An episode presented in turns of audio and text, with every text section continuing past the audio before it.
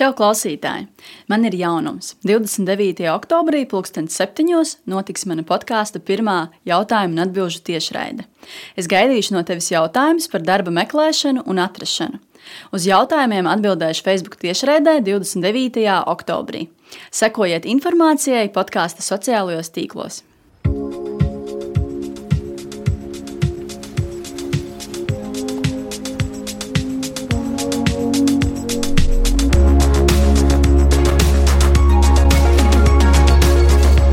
Čau! Es esmu Vineta Bērziņa, un man prieks, ka tu klausies podkāstu pirms darba. Mans podkāsts ir cilvēcīgas un saprotamas sarunas par darba meklēšanu un atrašanu. Šodien epizodē pie manis viesojas Ieva. Kopā lasīsim viņas CV un paskatīsimies uz to darba devēja acīm. Necik Necik šis te viens, šis te viens piedāvājums, kas bija mācību centrā vienā par projektu vadītāju, tas bija pirmais un vienīgais. Jā, es patiešām nezinu.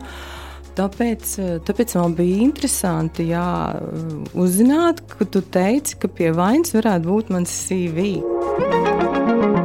Otrā saruna būs ar grāmatas, ko tev nestāsta par darbu IT nozarē autoru Sandri Artemjevu. Ja tu esi standarta pusaudzis, ko darīt tālāk. Ir variants iet uz tādu kaut kādu centru, kurš tev iedos testu izpildīt un pateiks, par ko tu vari strādāt. Es biju aizgājis, to, ka bija kaut kāds 17 gadi, es varētu būt galdnieks pēc tā testa. Un, tā es vienkārši es nesaprotu vispār tas ir kā, nu, ko darīt. Un, tā, es, es mēģināju drusku no otras puses to personālu, uztaisot uh, intervijas vienkārši cilvēkiem. Arī līdzīgi kā mēs tagad ar tevi runājam, bet uh, uztaisot viņu. Uh, raksturveidā. Un pajautājot, kas ir vispār tā IT nozara, par ko visi runā, vai tiešām tur ir vērts likt iekšā, kamēr vilciens vēl nav aizbraucis, vai tas ir priekš tevis, vai tur ir nepieciešama augstākā izglītība, kā visos darba sludinājumos ir norādīts. Šodienas podkāstā karjeras konsultācija. Pavisam nesen ielikusi, biju ielikusi sociālos tīklos, ka meklēju cilvēkus, kuri ir darba meklējumos un kuri gatavi aprunāties podkāstā. Šodien ir atsaukusies sieva, viņa ir darba meklētāja. Un šodien, šodienas podkāstā būs neliela karjeras konsultācija un CV konsultācija. Tā kā sveika, Ieva! Labdien! Pirmkārt, gribu jautāt, kāda ir sajūta vai nav līdzīga darba intervijā? Uh, sajūta ir daudz satraucošāka. daudz satraucošāk, jā, es uz kaut kādas darba intervijām eju tādu pārliecinātāku jā. par sevi, bet šobrīd es jūtos manām satrauksies. Pirmo reizi šādu pieredzi, bet es domāju, es domāju, viss būs kārtībā. uh, labi, varbūt Pirms es ķeros pie jūsu CV, pie tava CV, tu man esi atsūtījis arī CV, kas ir uz vienas lapas, kas ir ļoti apsveicami. Varbūt var arī par sevi nedaudz pastāstīt, ko tu šobrīd meklē, attiecīgi, cik esi ilgi meklējumos un ko iepriekš darīji. Uh, jā, tā tad es esmu bez darba kopš šī gada jūlija. Uh, tā nopietni pieslēdzos darba meklējumiem, nu, sākot ar septembri, teikšu mm -hmm. godīgi. Tā kā faktiski daudz laika nav pagājis. Bet um, es jūtos diezgan šobrīd samulsusi, jo kaut kā es biju par sevi tā kā vairāk pārliecināta, ka, ka tie darba meklējumi būs tādi tā kā veiksmīgāki. Um, Jā, vasaru es pavadīju diezgan omulīgi. Es jutos ļoti nopelnījusi piecu gadu laikā tādu kārtīgu atvaļinājumu, mm -hmm. kad es strādāju diezgan tādā non-stop režīmā, un atvaļinājumi bija, bet viņi bija tikai tādi uz absolūtas nepieciešamības um, paņemti.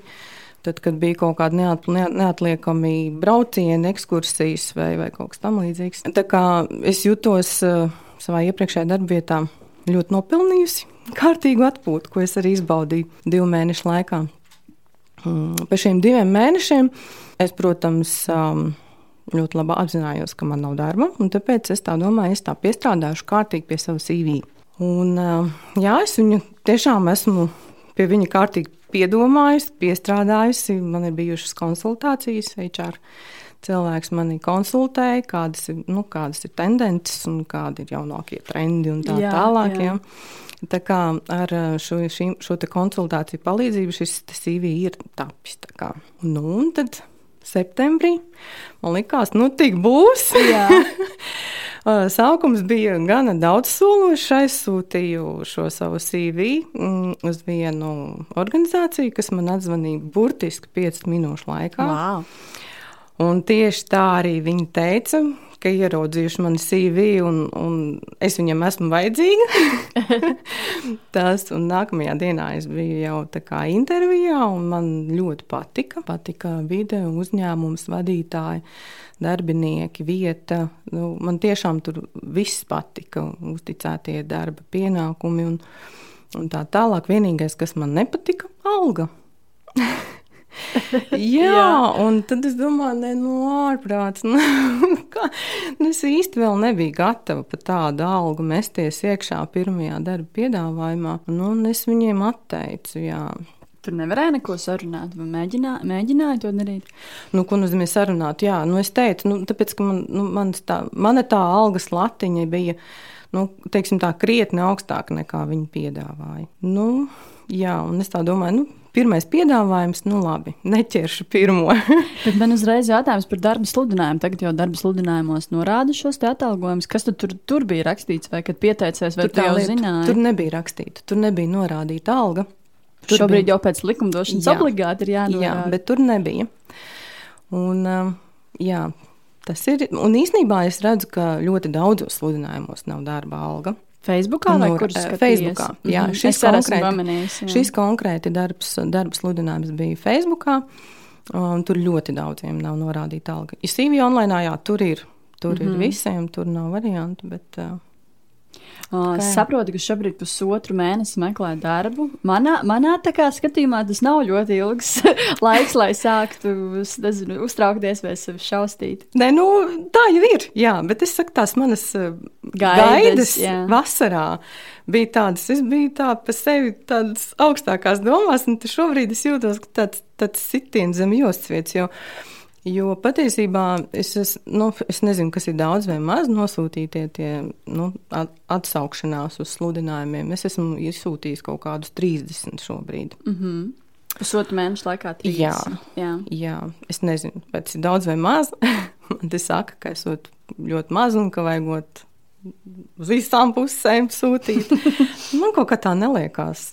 Man liekas, ka man ir jāsūta tur, kur es tiešām jūtos atbilstoši. Un, un, es, arī, un es tā arī sūtu tur, kur es esmu atbilstoši. Un man liekas, nu, kā tas ir? Nu, pat nepaicinu uz interviju. Ja es esmu, ja es atbilstu visiem kritērijiem, pat nepaicinu uz interviju.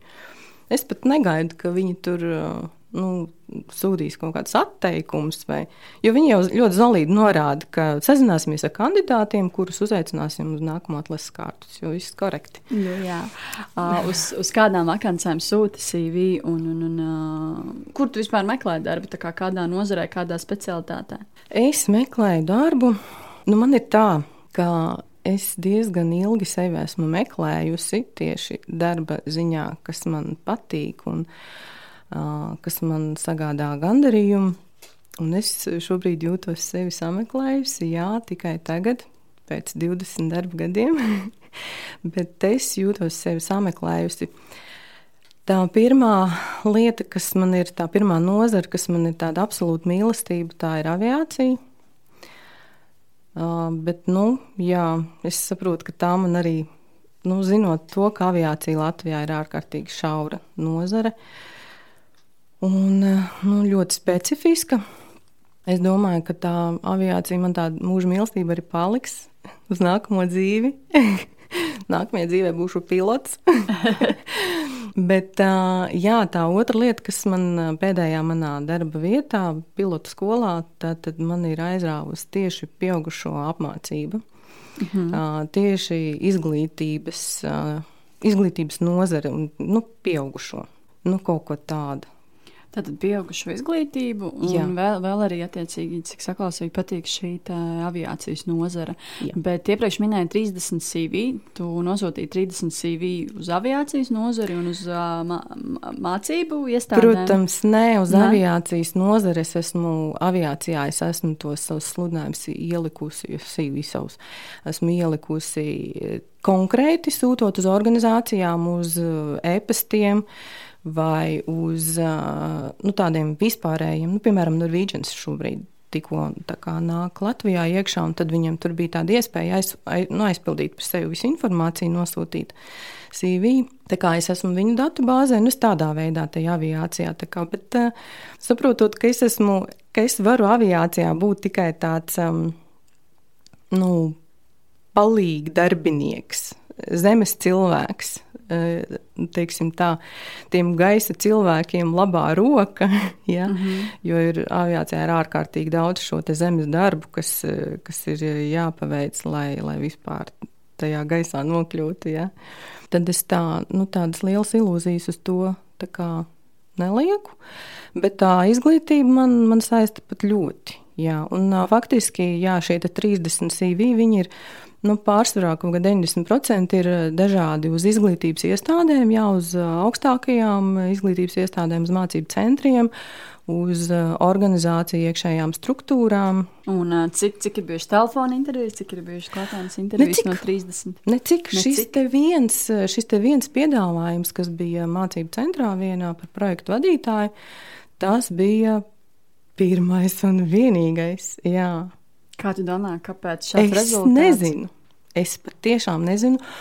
Tāpēc, eh, tāpēc man bija interesanti jā, uzzināt, ka tu teici, ka pie vainas varētu būt mans CV. Kāpēc? Kāpēc? Jo, jo vasarā, kad es šo CV izstrādāju, tad jā, man šī te, mm, personāla vadības speciāliste teica, ka galvenais ir, lai CV būtu īss, konkrēts, viens labs, lai viņš ir pamanāms. Galvenais ir Piekrīt, tik līdz jā. intervijai. Jā. Un es netieku līdz tā intervijai. Viņš ir īss, konkrēts, pamanāms, bet līdz Jā. intervijai es netieku. Tātad, kas tur nenostrādā?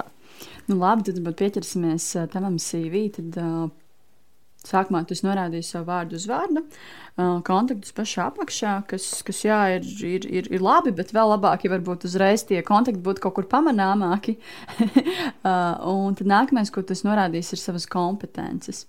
Uh, kvalitātes vadība, projektu vadība, analītika, publiskā uzstāšanās, dokumentu izstrāde un iedvesmot.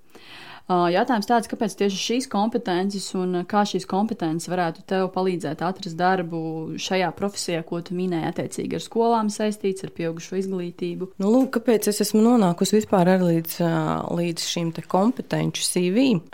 Jo, kā zināms, CV iedalās, viņi tur ir vairāk veidi, savu 5, 6, sākot ar chronoloģisku un beidzot ar, beidzot ar portfolio un tā tālāk, kas jau māksliniekiem ir saistošāki. Bet viens no šiem veidiem ir kompetenci CV. Nebija dzirdējis Un- par tādu. Aha, nu tas ir mans šīs vasaras teiksim tā, ā, ieguvums. Mm, ļoti interesanti. Jā, tāpēc ka es eh, pilnībā pārveidoju savu CV, kas man bija, protams, chronoloģiskais. No tāda līdz tādam, tur un tur, no tāda līdz tādam, tur un tur. Bet uh, man šis chronoloģiskais CV sanāca ārkārtīgi garš. Neskatoties uz to, ka man ir kaut kādas divas, nu, labi, trīs darba vietas uh, šo te 20 vairāk gadu laikā, uh, bet man viņš sanāca ļoti garš. Un tur bija Tur ir viss kaut kas iekšā, ja? jo es esmu sākusi strādāt kā algu grāmatvede. Pēc tam, pēc tam es biju tajā pašā bankā, biju par uh, analītiķi, tad no kāda līdz kādam tur gadam par projektu vadītāju, un tad tur mainījās departamenti. Un man bija tāda, nu, tāda, nu, es teiktu, horizontālā karjeras izaugsme 15 gadus strādājot bankā. Ja? Un tad, kad es to visu salieku kopā, tad, tad tas CV izvēršas milzīgs. Un es viņu nekādīgi nevarēju sadabūt uz vienas lapas. Nu, tad man, man konsultanti viņa teica, ka man labāk gatavot šādu kompetenci CV, eh, kas ir balstīts uz eh, reāliem faktiem. Respektīvi, es ņēmu rokā visus savus uh, darba līgumus, līdzšinējos amata aprakstus, gāju visam skrupulozi cauri, wow. ko, es, ko, jā, ko es tur darīju. Kādi bija mani pienākumi, kas man patika, kas man nepatika, kas man padevās, kas man nepadevās.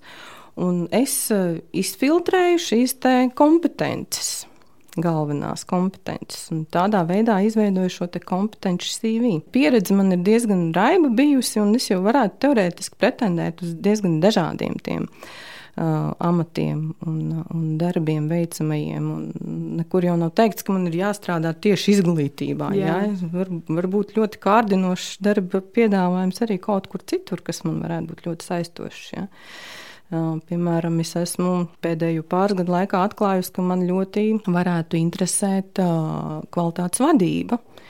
Un tāda kvalitātes vadība man mērķis ir īstenībā sākt arī studēt, nu tā nopietni. Ja būtu iespēja kādā organizācijā strādāt par kvalitātes speciālistu, ļoti labprāt to darītu, lai iepazītu to tieši to kvalitātes vadību. Nu, jā, tad atgriežoties pie kom kompetencēm, kā pēdējā kompetence, tas norādījusi iedvesmot, un kā apraksts uzrakstījusi uz izaugsmu, attīstību un individu, individu mērķa sasniegšanu, vērstas sarunas un atbalstošas vidas radīšana. Kāpēc tieši šī kompetence? Um, arī patiesībā jau iepriekšējos darbos man izveidojās ļoti laba sadarbība ar uh, šiem studentiem un uh, ar kolēģiem, un vispār man ir labs kontakts veidojis. Uh, ar, ar, ar, um, ar, ar komandu un ar klientiem. Un es šo, uh, šo iedvesmošanu es viņu uh, dabūju, saņēmu atgriezniskajā saitē no saviem uh, kolēģiem, draugiem, radiem paziņām.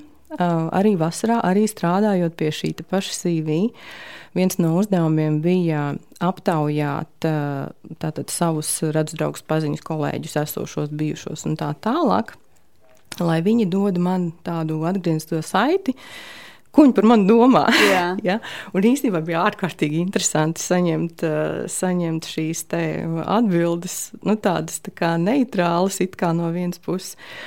No otras puses, jā, viņas bija daudz kas negaidīts. Tur pavīdēja tā izskaitā šī iedvesmošana, jā, ka es varu, ka, ka es palīdzu ceļā uz savu mērķu sasniegšanu gan klientam, gan īstenībā arī labi, lab, nu, komandā mēs labi sastrādājamies ar, ar, ar kolēģiem. Uh, jā, ļoti interesanti. uh, varbūt tagad no personāla atlases uh, speciālisti skatu punktu, es atveru tavu CV, un pirmais, ko es redzu, ir šīs kompetences, kas tev ir 1, 2, 3, 4, 5, 6, un pirmās no tām ir kvalitātes vadība un projektu vadība. Uh, man uzreiz rodas priekšstats, ka tu meklē darbu vai nu kvalitātes vadībā, vai nu projektu vadībā. Attiecīgi. Tad tālāk, ejot uz tavu darba pieredzi, es skatos, ka tu esi kā pēdējo darba vietu norādījis pilotu skola Eriva un tieši tā kā pasvītrojusi, izcēlusi šajā, šajā darba pieredzē vārdus kvalitātes vadītāji. Un tad pirmais, ko es iera, ieraugu, ir šīs kvalitātes vadītājas. Pat neredzu, ka tas uzrakstījusi mācību procesa vadītāju, jo tas nav izcelts. Un es uzreiz saprotu to, ka tu iepriekš strādājies par kvalitātes vadītāju šajā skolā. Un uh, vēl iepriekšējā pieredze tev ir projektu vadītāji divās, uh, divās darba vietās, un tu neesi arī aprakstījusi savus pienākumus. Tātad es redzu pie kompetencēm kvalitātes vadību un projektu vadību. Es arī redzu pie darba pieredzes kvalitātes vadītājiem, projektu vadītāju. Līdz ar to es droši varu secināt to, ka pirmkārt, tev ir pieredze šajās divās uh, jomās un arī tās tavas kompetences. Līdz ar to, apskatoties CV, es neredzu, ka tev būtu atbilstība kaut kas saistībā ar mācību procesu, uh, pieaugušo izglītību un tā tālāk. Tas ir tā pirmais, pirmais ko, es, uh, ko es redzu, ātri uzmetot aci. Un par darba pieredzi runājot, jā, man ļoti patīk tas, ka tu esi varbūt saīsinājis, ka tu esi ielikusi dažas darba pieredzes, kaut gan es redzu, ka viņas ir ļoti, ļoti ilgus gadus strādājis tajās. Bet es noteikti noteikti ieteiktu uzrakstīt tomēr darba pienākumus, ko tu tur esi darījusi, varbūt arī galvenos sasniegumus.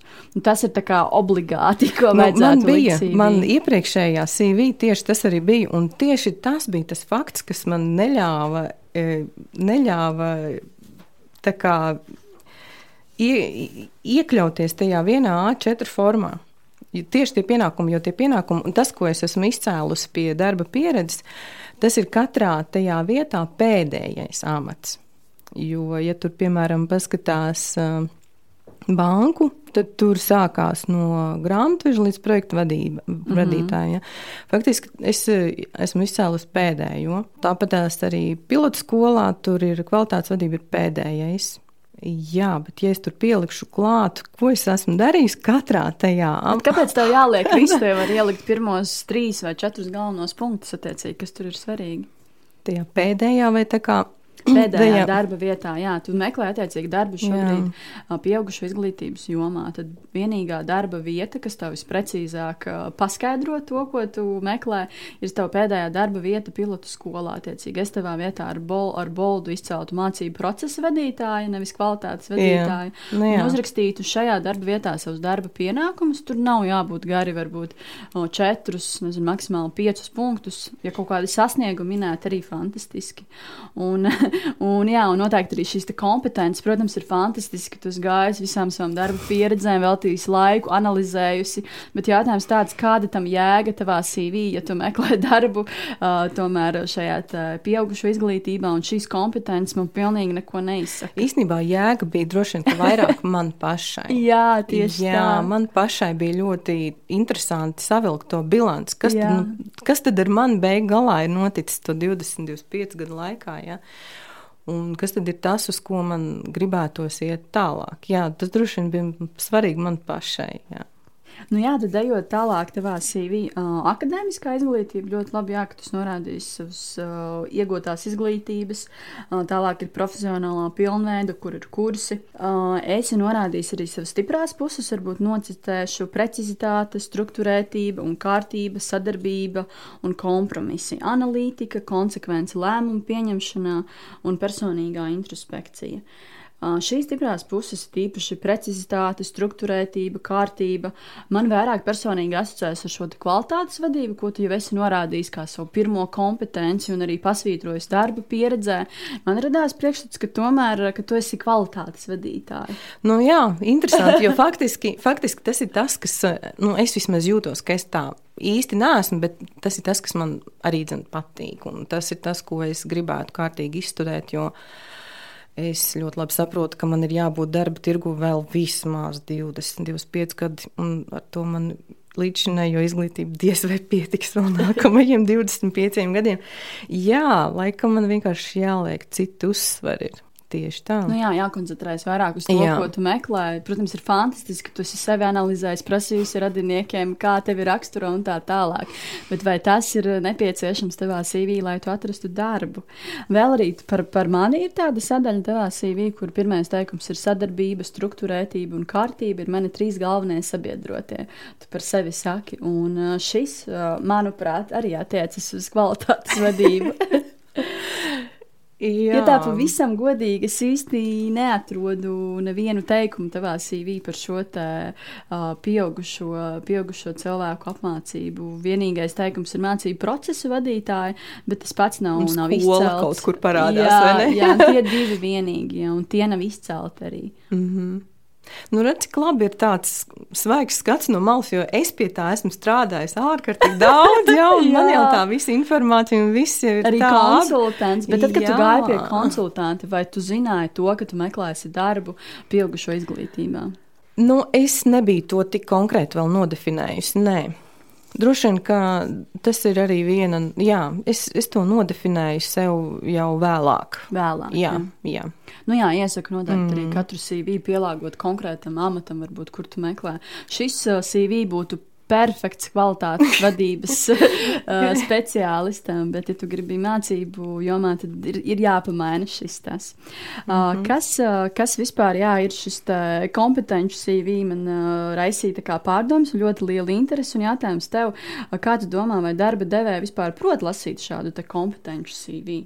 Es ceru, ka jā, jo, nu jā, man līdz manim tāda informācija nonāca, ka mēdz būt šādi CV. Man likās, jā, ok, teiksim, ja man tā darba dzīve ir bijusi gan raiba, ka man tiešām tas chronoloģija ir diezgan liela garlaicība, tad, tad jā, es sagaidu, ka jā. Vēl atgriežoties pie, pie darba sludinājumiem un, un kompetenci CV, vai tu esi redzējis varbūt kādu darbu sludinājumu, kas, kas ir kompetenci sludinājums? Nē, nesu gan. Sludinājums ir konkrēti uz amatu, jā. Uz konkrētu amatu un prasības amatam.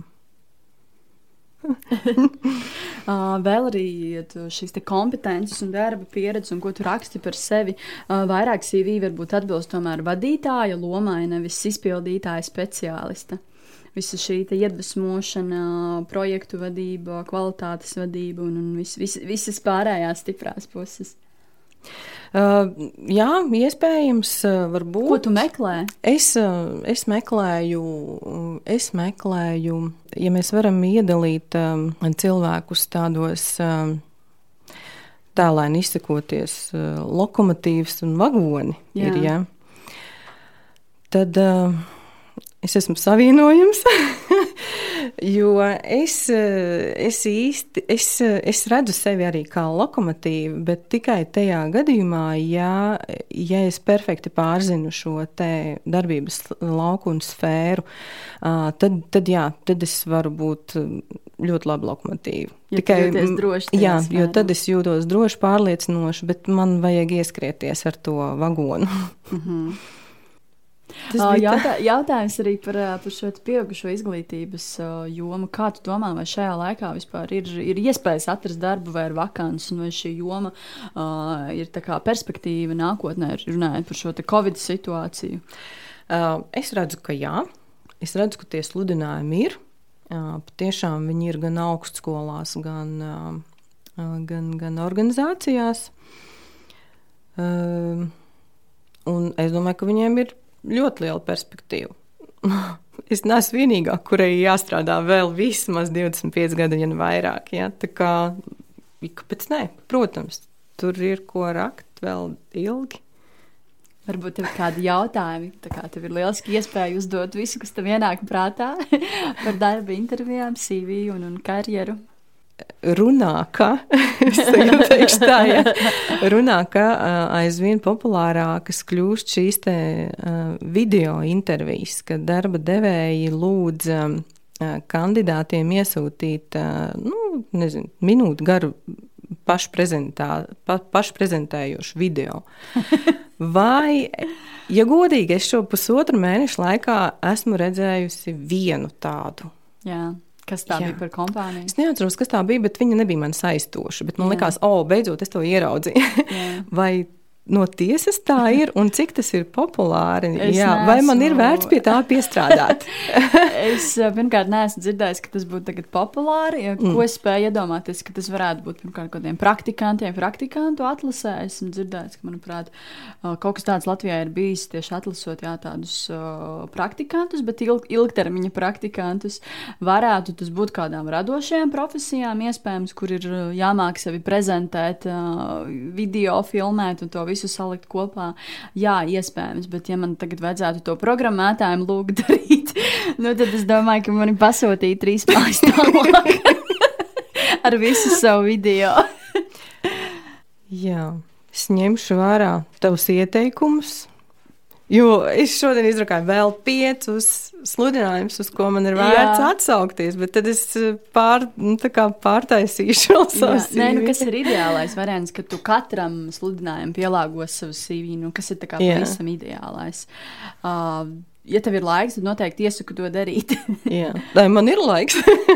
tad iesaku arī eksperimentēt, kā izveidot vairāk veidu CV un, un skatīties, uz ko ir vairāk atsaucības. Tad, tad arī uz to koncentrēties. Nepalikt pie viena CV, izveido, nezinu, piecus variantus, un tad sūti, un tad skatos, skaties, uz kuru CV tad noreaģē. Un tad, tas varbūt ir tas, pie kā vajag pieturēties. Jā. Es tā kā, nu jā, nu es domāju, turpināt. darba mm -hmm. devēja acīm. Mm -hmm. Jā, jā, bišķiņ jāpa, jāpagriež tas fokus otrādāk, jā. Uh, rezumējot mūsu sarunu, ma, manuprāt, ir tā, ka tomēr nedaudz ir jāpielāgojas darba devējiem, attiecīgi, ko prasa sludinājumā, un pēc tam arī pielāgot savu CV un, un, un uh, skatīties, ko tad prasa šis, te, šis te darba devējs. Un uh, tikai tādā veidā var nonākt šajā darba intervijā. Protams, ir uh, vakants, ar kurām viss ir ļoti vienkārši programmētāji, grāmatvedis, bet, ja runa ir par uh, projektu vadību, kvalitātes vadību, visas šīs profesijas, nu ar tām nav tik viegli. Tur ir tiešām jādomā, kā savu CV pielāgot. Nu, nozara, lai... protams, vēl jāliek. Arī nozara, jā. protams, jā. Es iesaku tiešām pielāgot katru CV. Tā kā paldies par sarunu. Es ļoti ceru, ka mans padoms tev palīdzēs. paldies noteikti, ļoti, jā. Tā kā paldies par sarunu un veiksmi darba meklējumos. Paldies jums arī abiem!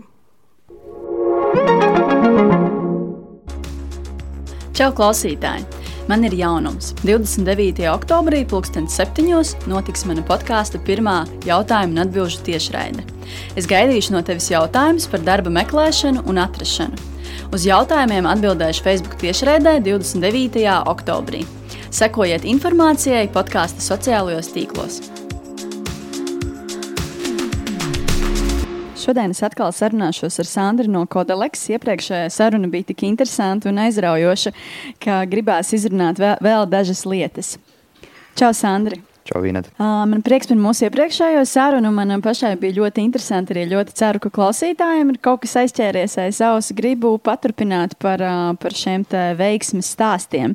Uh, tu jau iepriekš minēji, ka ir vairāki cilvēki, kuri pabeiguši tavu skolu un minēja piemērus, piemēram, uh, piemēram šīs jaunās māmiņas, kuras ir. Uh, tikko no bērnu kopšanas atvaļinājuma un grib mainīt šo profesiju. Un, un minēja arī piemēram, no jurista par programmētāju un citus piemērus.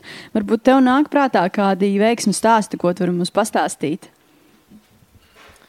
Um, būtībā, kā jau es liekas, iepriekš es teicu, ka man ir prieks par katru cilvēku, kas dabū darbu.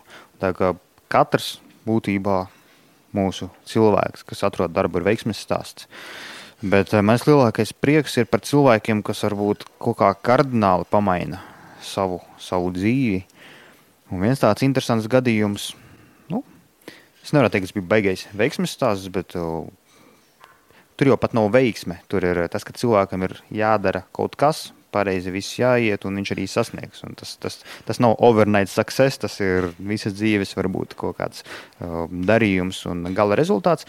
Bet viena tāda interesanta saruna bija ar vienu meiteni, kura intervijā teica, ka, kad es prasu, kāpēc tu kā gribi nākt pie mums mācīties, kāpēc gribi programmēt. Un tad saturs bija apmēram sekojošs, ka es pēc vidusskolas aizgāju mācīties eh, fizmatu, ja nemaldos, saucās tur un matemātiku.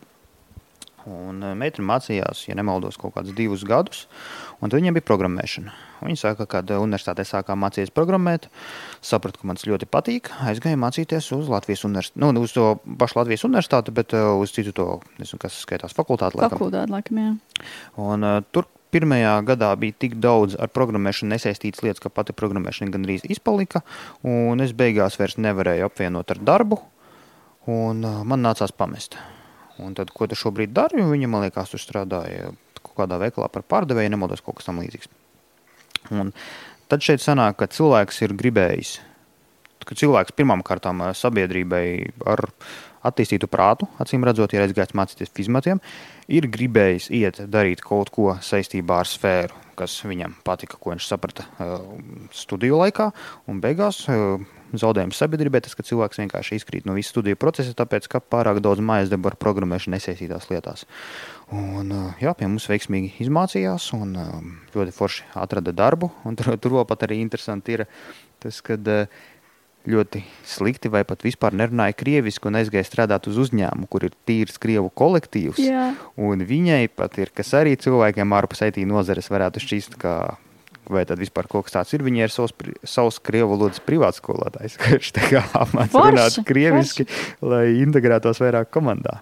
Forši. Tā tas ir tāds ļoti, Jā. ļoti interesants stāsts, ko man, ko man patīk izcelt. Tāpēc, ka nu, ir, ir cilvēkiem jāpalīdz un kādā veidā jā, jāmaina tas viss skatījums un, un iespēja kaut ko izdarīt.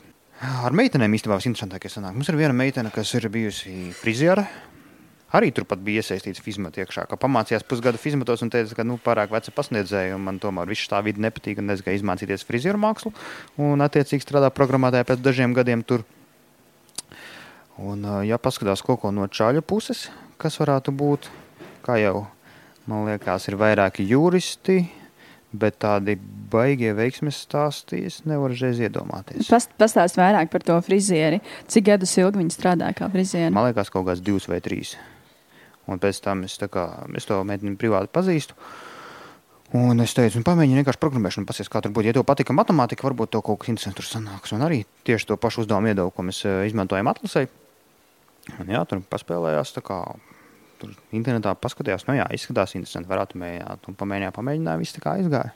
Jo, kā jau teicu, tā mērķa auditorija vai mūsu cilvēki, kas nāk mācīties, ir kā, nāk pārkvalificēties. Un ļoti bieži sanāk tā, ka cilvēkiem sakrīt kaut kādā veidā. Tāpat mums arī īstenībā bija viena meitene, kura gan aizgāja strādāt uz startupu, kurš uh, Covid laikā diezgan ātri aizvērās ciet, diemžēl. Bet viņai ir augstāka izglītība psiholoģijā. Un tas startups, tehnoloģiskais, viņiem es varbūt konkrēti nepateikšu, kā tas bija plānots, bet viņiem bija tāds produkts, kur pēc uh, kaut kādām cilvēka nu, kurš izvērtē klientus un kādā veidā segmentē tos klientus, balsoties uz kaut kādām darbībām, ko viņi veic eh, sistēmā. Iekšā. Līdz ar to psiholoģiskās zināšanas ir nepieciešamas, lai saprastu, kādā veidā tos modeļus būvēt. Viņa tur neilgu laiku pastrādāja, līdz uzņēmums beidza savu darbību. Bet eh, tā jau būtībā ir ar tiem programmētājiem. Jo daudzi domā, ka nu jā, programmēšana tur ir rakstīt nulles vienniekus, visu laiku super monotons darbs, super garlaicīgi, bet realitāte tā nav. Tagad eh, ar visu to strauju attīstību, programmēšana ir ļoti vienkārši palikusi. Kā tas bija pat jau, kad es sāku mācīties, tā jau bija vienkārši. Un, uh, tas būtu jau vienkārši aprakstīt kaut kādus procesus, un visi rīki tev ir gatavi. Tagad, jo tur uztaisīsi mobilu aplikāciju, vispār tur neatrod kodu vaļā, vienkārši savokot kaut kādus blokus. Tas, ko Latvijā lielākā daļa cilvēku vienkārši valk blokus, tikai drusku zemākā līmenī, nevis kaut kādās vizuālajos, vizuālajos editoros. Un, attiecīgi, jebkurš pluss tavā iepriekšējā pieredzē var sakrist ar uh, pieredzi savā uzņēmumā un tādā veidā turpināt arī kā, savu, savu attīstību. Jā, interesanti arī tas, ka kaut kāda iepriekšējā profesija, kāda, piemēram, minēja pārdošana vai psihologs, var noderēt tieši programmētāj, programmētājiem, kā, nu, kā, kā, kā labam profesionālim. Mums ir bijuši šobrīd, laikam, trīs gadījumi, kad uh, cilvēks atnāk mācīties pie mums. Tagad, man liekas, vēl ceturtais ir procesā. Kad cilvēks atnāk mācīties pie mums, un viņš zina, ka viņš ies strādāt atpakaļ savu uzņēmumu. Piemērs finanses industrijā, biznesa analītiķis, biznesa analītiķis strādā kopā ar programmētājiem, izvērtē, kādus uzdevumus dot programmētājiem un dara visu, izņemot programmēšanu, ir programmēšanas komandas sastāvdaļa. Un, attiecīgi, izmācās pie mums, iet atpakaļ uz savu komandu, turpina strādāt kā programmētājs. Forši. Un sanāk, kad mēs uzņēmumam dodam tādu vērtību, ka mēs apmācām viņu darbinieku. Un uzņēmums pēc tam attiecīgi maksā viņam algu, un cilvēks pats samaksā par, par mācībām. Tu minēji, ka priekšzināšanas nav vajadzīgas, bet kādām varbūt īpašībām un raksturam, raksturam ir jābūt? Jo tu minēji, ka to jūs diezgan skatāties, izvērtējat arī cilvēku kā personību. Es neteiktu, ka cilvēku kā personību, bet uh, es drīzāk teiktu, ka mēs skatāmies, vai šim cilvēkam mēs varēsim palīdzēt atrast darbu. Ja tu, nezinu, mums ir bijis tā, ka intervijā atnāk cilvēks, kas vienkārši tik ļoti smird pēc cigaretēm, ka nav iespējams ar viņu sēdēt telpā. Nu, okay. Es nevaru vienalga, cik labs viņš būs tur jau ar priekšrocību, ko es nevaru pateikt. Jā, nāc, tāpēc, ka es zinu, ja es tev sarunāšu, kad uzņēmums tevi kā, uzaicinās pie sevis ciemos uz interviju un kā, kā, kā mēs parasti darām. Standarta atlases kārtā tev izskatīs. Es nevaru riskēt ar mūsu reputāciju, kad es tev sūtīšu tādu cilvēku, kas iespējams kā, nebūs adekvāts oficiālajam darbam. Un mēs tādas lietas, protams, skatāmies. Un, uh, skatāmies vienkārši, vai ir cilvēks, ar kuru patīkam komunicēt. Jo mums ar to cilvēku būs jāmācās kopā, un es nevaru mācīt cilvēku, kurš, kurš kā, necienīgi izturēsies, vai, vai, vai būs kaut kāda tāda gadījuma. Tad mēs skatāmies, vai, vai tas cilvēks vienkārši ir nu, sociāls, un vai viņā ir iespējams ielikt zināšanas iekšā.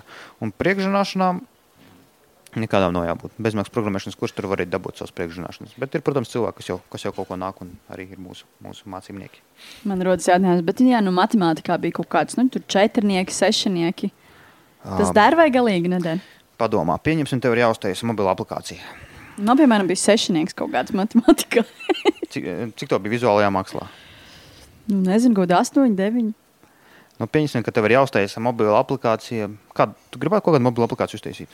Nu, tas izklausās, ka varētu jāpamēģina. Nu, teiksim, podkāstu. Tev varētu būt mobila aplikācija podkāsts, kur ir apraksts par tevi, kur var noklausīties podkāstu epizodes, kur var pierakstīties tam e-pasta sarakstam un kaut ko tamlīdzīgu. Tas visticamāk, mobila aplikācija ar kaut kādu četru ekrāni. Tur atsevišķa epizode, epizodes saraksts, sadaļā bauta un vēl kaut kas tāds. Kā domā, cik daudz matemātika vajadzīga, lai vizuāli izkārtotu četrus ekrānus? Nu, nav nejausmas, ja godīgi. Es domāju, ka vispār nav vajadzīgi. Nu, vienkārši viņas ņem un izkārto un skaties, vai sanāk vai nesanāk. Nu, un, Tas ir tipisks jautājums. Man liekas, Jā. ka mums mājaslapā arī pie biežāk uzdotiem jautājumiem, vai arī mēs to stāstām bezmaksas nodarbībās. Nu, Tas ir viens no ļoti lieliem mītiem, un, protams, ir visādi oponenti. Nē, mums te universitātē mācīja augstāko matemātiku, un bez augstākas matemātikas nebūsi programmētājs. Bet nu, tie bieži ir cilvēki, kas, eh, kuriem sāp, kad cits sasniedz ātrāk, sasniedz ātrāk rezultātus. Viņi tas var būt viens arguments, bet ļoti atkarīgs no sfēras, kur strādās. Ja tu aiziesi strādāt tur uz Google algoritmu komandu, kas tur izstrādā, kā to, to rankojās lapas, protams, to ar savu neatceros, cik to sešnieku matemātikā bija visticamāk, ka nepavilks. Bet uh, Latvijā cik daudz mums tādu Google un Facebook ir? Kā Nu, jā. Latvijā mums tur vispār daudz uzņēmumi strādā tik bēdīgi, ka viņi normāli cilvēki ne, normāli nevar novērtēt cilvēku darba intervijā, lai saprastu, viņš ir ņēmums, jo viņiem pašiem tie programmētāji tur reāli neko nesaprot. Un, uh, tā matemātika atkarībā no tā, ko darīs. Ja tu būsi frontendists, kurš tur taisīs uh, katru dienu trīs jaunas lapas kaut kādiem klientiem, priekš, nezinu, pasākumiem, teātram, mājaslapu uztaisīt, to nevajadzēs uh, matemātiku zināt. Tev vajadzēs zināt, kā tur krāsas sakumerēt kaut kādas tādas lietas. Tā, tas ir loģiskā domāšana. Ir nepieciešama, bet tas viss ir trenējams. To visu var Tad iemācīties. loģiskā domāšana ir nepieciešama. Man, man vēl viens jautājums. Tev ir, ja man ir izdevības, labāk pajautāšu, noskaidrošu. Kā ar šo te kā pacietību, vai tā ir nepieciešama? Uh, Šeit es varētu pieminēt vienu citu interesantu lietu, ka uh, meitenes un čaļi. Standarts tagad arī visādas programmas, kur tur uh, meitenēm kaut ko piedāvā mācīties, par kurām es īstenībā diezgan skepti- skeptisks esmu. Bet uh, ir tā, ka jā, arī mēs esam novērojuši, ka meitenēm ir grūtāk teiksim, uh, nokļūt, nokļūt darba, darbā. Un, uh, kas ir tipiski meitenēm, ka viņām mācību procesā un arī programmēšanas procesā ir reāli grūtāk nosēdēt pie datora. Uh, Tā ir viena lieta, un es nezinu, Kāpēc tā ir? Iespējams, tāpēc, ka čaļi tur bērnībā super daudz datorspēles spēlēja. un Viņi vienkārši pierada, ka viņi var nosēdēt tur, nezinu, desmit stundas pie datora vienkārši nekustoties. Meitene varbūt nevar viņas pasēžot 10-15 minūtes, gribas jau kaut ko padīdīties, gribas kaut ko apkārt paskatīties. Un vēl kas tipiski meitenēm, tas, ka ļoti bieži ir tā, ka meitenes raksta ar vienu roku sākumā. Kā baidās pieskarties datoram, ka tikai ar labo roku raksta mainīgo sadaļu, kamēr čaļi tur rītīgi dragā, tur pa klauju, tur mēģina kaut ko salauzt, tur kaut kādā uzrakstīt kaut ko, lai kaut kādu rezultātu dabūtu ārā. Meitenēm, ko gribās visu rītīgi, rītīgi perfekti izdarīt un tādā veidā. Tā kā mm. pacietība arī ir jāietrenē, un, ja tu nevari nosēdēt lai desmit minūtes, lai kaut kādu rezultātu dabūtu, tad tas vienkārši, vienkārši ir jādara līdz, līdz to vari. Vai arī tas vienkārši nebūs priekš tevis. Nu, labi, paldies. Jo šo jautājumu es jau sen gribēju noskaidrot, kā man bija izdevība. Uz kur jautājumu par to nosēdēšanu par meitenēm Nu, jā, nu, jā, un par loģisko domāšanu arī, jā, jo man ir ā, dažreiz mājās diskusijas ar, ar vīru, jo es viņam saku, nu, vai es iešu mācīties programmēt. Tā kā pajokoju dažreiz. Viņš saka, nu, nē, tu tā kā nevarētu, tev nav pacietības, tas, tā, tev nav tas, tas, tas. Es tagad tā kā pajautāju tev un, un noskaidroju Bet, lietas, eh, ko gribēju nu. Tur jau arī tā visa programmēšana iedalās tik daudzos apakšlīmeņos, ka vispār IT sfēra iedalās ļoti daudzās nozarēs, un programmēšana iedalās daudzās nozarēs. Tu vari atnākt mācīties programmēt, un varbūt aizies strādāt varbūt par testētāju, kas ir īstenībā diezgan populāra izvēle meitenēm, bet eh, es noteikti nesaku, ka meitenes nevar būt programmētājs. Un Meitenes ir ļoti rūpīgas, cik mēs esam novērojuši. Viņas dara darbu tieši tāpat kā arī čaļi. Tā Tas viss atkarīgs no paša konkrēta cilvēka personības kā tādas. Nu, es arī piekrītu, ka te nebūtu jā, jādala dzimumos, bet nu, kaut kādas ci- citas lietas jāskatās.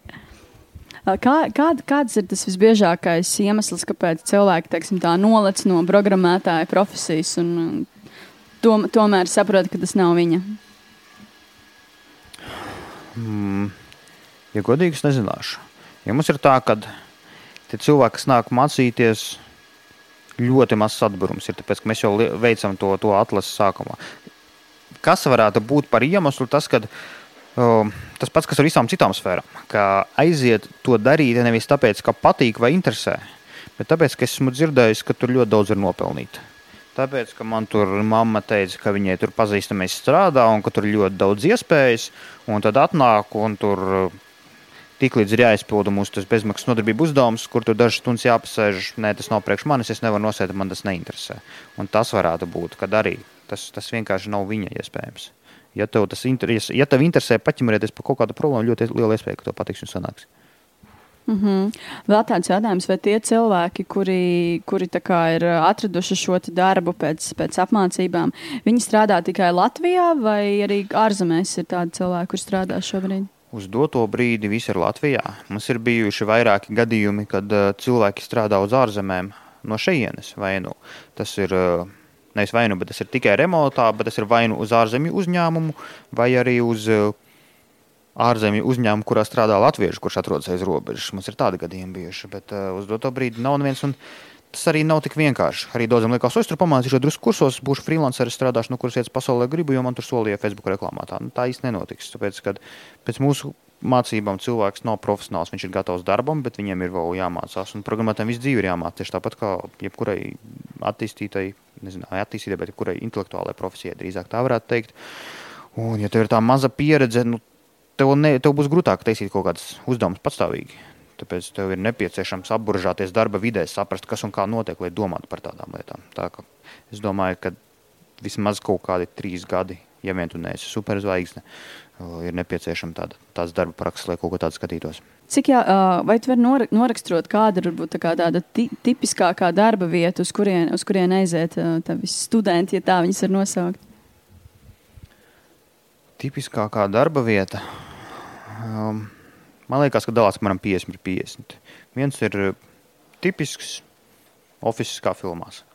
Restīvi diezgan liela izmēra uzņēmums, visbiežāk ne latviešu, kuram šeit ir kaut kāda filiāle, kur ir daudz cilvēku, kur tur ir, kā, kā par ko jau piedarās programmētāji, kā tur bezmaksas alus ledus skapji, visādas tādas jā, lietas, jā. kur tur dažos tur ir pat pirts oficiālā un viss kaut kas tāds. Tas būtu viens no tās superkorporatīvais, kuri jau ir stabili, kuri ir gatavi paņemt jaunus cilvēkus un kā, ar viņiem strādāt un visu darīt. Un otrs varētu būt neliela uzņēmuma, kur drīzāk līdz līdz 10 cilvēku, 5 līdz 10, varbūt pat mazāk izmēra programmēšanas komandas, kuriem iespējams nav resursus, lai tik daudz ieguldītu cilvēku meklēšanā, gan laiku, gan naudu, kuriem varbūt bet arī nevienmēr varbūt nav tik daudz resursu, lai samaksātu superlabumu speciālistu, vai arī, vai arī kuri vienkārši dara parastas lietas, kuriem nemaz nevajag superlabu speciālistu. Jo tā arī ļoti bieži gadās. Daudz uzņēmumu domā, ka, nu jā, mums te vajag super senioru programmētāju, viņš atnāk pastrādā, un tad ir skaidrs, ka viņš nav nepieciešams, ka viņam ir garlaicīgi, ka tur vajag vienkārši parasta darba darītājs un, un arī tādi. Es zinu arī, ka tu esi sarakstījis grāmatu. Es ne, neesmu sarakstījis grāmatu. Es, es nevaru īstenībā bez drukas kļūdām kaut ko uzrakstīt, kur nav grāmata. Bet uh, tu noteikti domā to mūsu, ko tev nestāst par darbu nozarē. Jā, tad tas ir grāmatas autors. Ja? Es neesmu autors. Mēs, eh, tā bija mūsu, mūsu tāds plāns kaut kādā veidā. Nu, drīzāk varbūt sākuši no otras puses. Kā jau iepriekšējā tikšanās reizē teicu, kad nu, vidusskola es kaut ko tur mācījos programmēt, nezināju, kādu tur iespējas un tādā veidā. Un ko darīt tālāk? Nav jau, un arī tagad es pat nesen skatījos, nav īsti variantu, ko saprast. Ja vien tev nav kaut kādi vecāki, tur, kas ir uh, plaši zinoši dažādās sfērās, vai super daudz paziņas, vai kaut kas tāds, ja tu esi uh, standarta pusaudzis, ko darīt tālāk? Ir variants iet uz tādu kaut kādu centru, kurš tev iedos testu izpildīt un pateiks, par ko tu vari strādāt. Es biju aizgājis, to, ka man bija kaut kāds 17 gadi, es varētu būt galdnieks pēc tā testa. Un, tā es vienkārši es nesaprotu vispār jāgadām, tas ir kā, nu, ko darīt. Un, tā, es, es mēģināju tā kā drusku no otras puses to parasināt, uztaisot uh, intervijas vienkārši cilvēkiem. Arī līdzīgi, kā mēs tagad ar tevi runājam, bet uh, uztaisot viņu uh, rakstveidā. Uh, Un pajautājot, kas ir vispār tā IT nozara, par ko visi runā, vai tiešām tur ir vērts likt iekšā, kamēr vilciens vēl nav aizbraucis, vai tas ir priekš tevis, vai tur ir nepieciešama augstākā izglītība, kā visos darba sludinājumos ir norādīts. Tur vienkārši sarunas lielākoties ar maniem um, cilvēkiem, ko es pazīstu, vai arī ar uzņēmumu vadītājiem, kur strādā mani studenti. Un, jā, tad vienkārši tur atbūs jautājumu.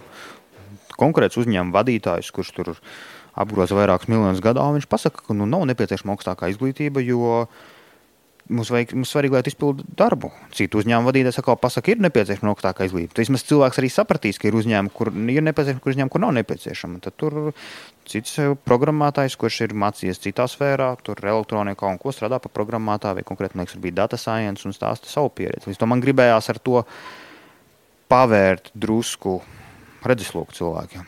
Un tā grāmata, tas, tas, tas nav nopērkams grāmatnīcās, tas vienkārši ir PDF mūsu mājaslapā nokačājams. Tā, tur jebkurš interesants, kas klausās, variet uh, palasīt. Tur, ja nemaldos, bija 12 vai 13 intervijas. Tur bija daži mūsu studenti, daži uzņēmuma vadītāji, daži programmētāji ar 10 plus gadu pieredzi, daži cilvēki, kas ir IT sfērā, bet nestrādā pa programmētājiem. Tie, kas uh, aizņemtajā laikmetā izlasa līdz galam, tie ir uh, ļoti pateicīgi un saka, ka es to izdarīju. Un īstenībā bija ļoti interesanti. Ir tādi, kas pārskrien pa, pa virsrakstiem. Tu izlasīji vai pārskrēji pa virsrakstiem? Es uh, pārskrēju nu, par tām izceltajām vietiņām. Nu, jā, jā. Nu, īsti, pat, ja, pat ja kāds izlasīs izceltās vietas, noteikti uz, uzzinās kaut ko jaunu. Man liekas, diezgan, diezgan interesanti. Kaut kādas lietas jau, protams, jau zināju, bet uh, man īstenībā likās interesanti tādā, tādā ziņā, ka varbūt apstiprināja kaut kādas manas uh, nezinu, sajūtas vai viedokli. Nu, tādā ziņā. Uh, mēs tur, mums bija tāds tā kā, uzmetums, ko jautāt tiem cilvēkiem. Tur bija jā, par visām tām izglītības lietām, par finansēm, vai tam obligāti ir jābūt kā tavam hobijam vai nē. Līdz ar to tur ir vairāk tādu jautājumu, un tur ir daudz lietas, kas atkārtojās, kas, protams, standarts ir vairāk kā divi cilvēki intervijā, bet tur arī bija. Ar ko es īstenībā saskāries, tas, ka nu, geogrāfiski izlīdzinās, kā, izlīdzinās visas darba algas. Ja programmētājs no šejienes var strādāt uz Ameriku, vai uz Šveici, vai uz kaut kādu citu vietu, kur ļoti daudz nopelna, sēžot Latvijā, protams, viņam alga attiecīgi būs ārzemju alga. Un, eh, ja palasa kaut kādus rakstus, kuriem minēts kaut kādas darba summas mūsu medijos, tad var lasīt komentāros, ka muļķības, es te desmit gadus strādāju par 800 eiro, neviens tur nemaksās virs tūkstotis. Tur nā, nā, nā, arī pie kodoleks rakstiem kaut kas tāds bija apakšā rakstīts. Es speciāli aizbraucu no Latvijas uz Angliju strādāt, tāpēc, lai ko tur. Bet nu, tur arī konkrēti cilvēki pasaka, ka tu vari nopelnīt arī 5000 mēnesī. Un tas dažiem liekas tur super daudz, bet ir cilvēki, kas tādām algām neskatās. Viņš zina, ka viņš Amerikā dabūs darbu, piemēram. Tā kā ir noteikti vērts palasīt gan, gan tiem, kas ir IT sfērā, gan tiem, kas vispār nav. Tad saprotu vidusskolnieki, kam vēl ieteikt izlasīt šo grāmatu. Mm, pilnīgi jebkuram. Tas var būt Ome, kas var pastāstīt saviem mazdēliem. Jo mums reāli, kā, ne, nevis mazdēliem, bet mazbērniem, ja mums piesakās cilvēks, kurš saka, man tur mamma teica, lai es piesakos kursos. Tā, jebkurš, jebkurš tur, nezinu, mm, programmēt jau tagad arī uh, ir tā, ka uh, dažādos saitos var palasīt, ka tur 15 gadīgs jaunietis uztaisīs to un to un tur nopelnīs miljonu. Tas jau ļoti, ļoti sen dažādi tādi raksti. Protams, tur var 7. klasē izlasīt tādu, saprast, ka kaut kas ir normāli un tur papildīt kaut kādu mūsu bezmaksas nodarbību kursiņu un, un kaut ko jaunu iemācīties. Tā. Es domāju, ka jebkuram pašizglītošanas dēļ vajadzētu paskatīties. Es kaut kur nesen dzirdēju, tu gribi palielināt kā, savus ienākumus, un, ja tev biznesa strādā, kas jau ir, viņi vienkārši vajag nu, kā, uh, ko, kopēt, kopijas, uh, tad, jā, bez mazliet, tad, uh, ko domā par to, tu varētu, piemēram, vēl citās valstīs izveidot tādu, tādu pašu biznesu, vai, vai tas tev nestu? Nu, ja godīgi, Peļņu. man ir bijuši no, man vienreiz bija tāda interesanta saruna, kur eh, mājaslapā mums bija tāda pieteikšanās forma, tagad jau vairs nav, nu, kur vienkārši var atstāt ziņu, uzrakstīt kaut ko. Un tur vienreiz ienāca iekšā tāda ziņa angļu valodā, tur uh, Dear Kodaleks, bla, bla, bla, uh, we are from kaut kāds tur venture capital, kas tur vēl, ķip, vai mēs varētu sarunāties. Es tā kā pirmais reizes domāju, hm, kaut kāds Nigērijas princis gan jau rakstīja tam līdzīgi. Un es pēc tam papētīju, skatos tā kā īsts nosaukums. Pēc tam skatos, tas čalīts vārds uzvārds arī tā kā LinkedIn atrodams, kā viņiem atbildēju. Un tur reāli bija investīciju firma, kas ir investējuši Facebookā, Slackā, man liekas, un kur wow. tur vēl. Un viņi Anglijā ir bāzēti, bet viņiem ir vairāk oficiāli kaut kur pasaulē. Un viņi tā kā runā, jā, mēs skatījāmies jūsu projektu, mājaslapā kā latviešu valodā tikai. un es tā kā viņam saku, saku kur jūs par tagad dabūjāt, kur jūs ko atrādāt. Kā man te kaut kas atsūtīja? Un, bet tas bija tieši pirms kaut kāda Covid laikam, un es teicu, ka varbūt kaut kad vēlāk sazināsimies, bet, yeah. kad, nu, nezinu, vai, vai, vai gribētos vai negribētos. Viņš teica, ka viņi ļoti uh, skatās uz uh, kā, iz, izglītošanas projektiem, un kad, eh, ja es būtu gatavs to pacelt, kāds saka, tur kopiju pēc pa citām valstīm, tad viņi ir gatavi nākt klāt ar finansējumu un ar palīdzību visās sfērās, kur nepieciešamas, un, un, un, un iet tālāk. Bet, eh, kā jau teicu, man patīk tas, ko es šobrīd daru. Es neesmu pietiekoši daudz vērtību cilvēkiem. Man pašam ir ko pāriest, un ir jumts virs galvas, un es uz doto brīdi vienkārši par to domāju. Tā kā nekur, tā kā, neko, neko gan jau nenokavēšu. Sandra, paldies tev vēlreiz par sarunu. Bija ļoti patīkami vēlreiz satikties un aprunāties. Kā jau pirmo reizi teicu, ir tik ļoti interesanti ar tevi runāt. Es domāju, ka noteikti pēc kāda brīža kaut kad vēl saskriesimies uz kādu kafijas. Jā, jā ir jauns runājumais, man liekas. Vai ne? Labi, paldies tev. Es ļoti arī ceru, ka klausītājiem bija interesanti un arī, ka tev bija interesanti. Jā, bija. Paldies par uzaicinājumu. Atā. Jūs noklausījāties podkāstu pirms darba. Katru otrdienu es publicēšu jaunu epizodi. Lai nepalaistu to garām, sadraudzējies ar mani Apple un Google podkāstu platformās un Spotify. Seko podkāstu tapšanas stāstiem Facebook un Instagram. Raksti komentārus, iesaki sarunu tēmas, pastāsti savu darba meklēšanas stāstu. Uz sadzirdēšanos!